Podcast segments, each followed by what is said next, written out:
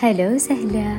في جامعة جلاسكو عملوا دراسة على 15 عداء رياضي وقالوا لهم أن سيتم إعطائهم دواء يقوي أدائهم الرياضي ويحسن قدرتهم على الركض ثم طلبوا منهم أن يشاركوا في السباق.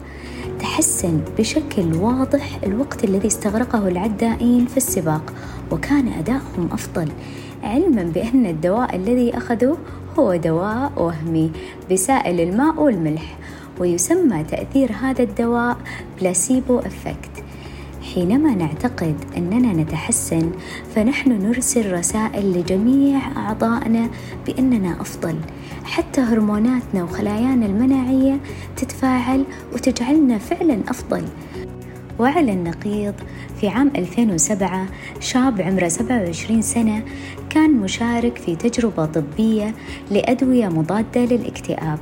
تم إسعافه في المستشفى بعد أن حاول قتل نفسه بجرعة زائدة من الدواء.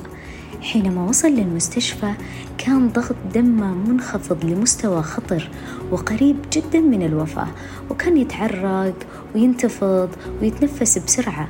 بعد ما استطاعوا الأطباء إسعاف حالته عملوا له الاختبارات ولم يجدوا أي تأثير للأدوية على جسمه.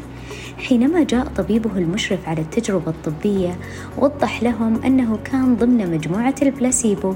وذلك يعني أن الدواء الذي يأكله كان حبوب سكر ليس لها أي تأثير. كما يبدو أنه شارف على الموت بسبب أفكاره ويقينه بأنه سيموت. العلاقة بين أفكارنا وما نعتقده يؤثر علينا جسديا وصحيا بشكل واضح. السلبية والأفكار السوداوية تؤدي للتعاسة والمرض. أما الإيجابية والأمل وحسن الظن بالله سبحانه وتعالى يصل بنا جسديا ومعنويا للصحة والراحة والنجاح.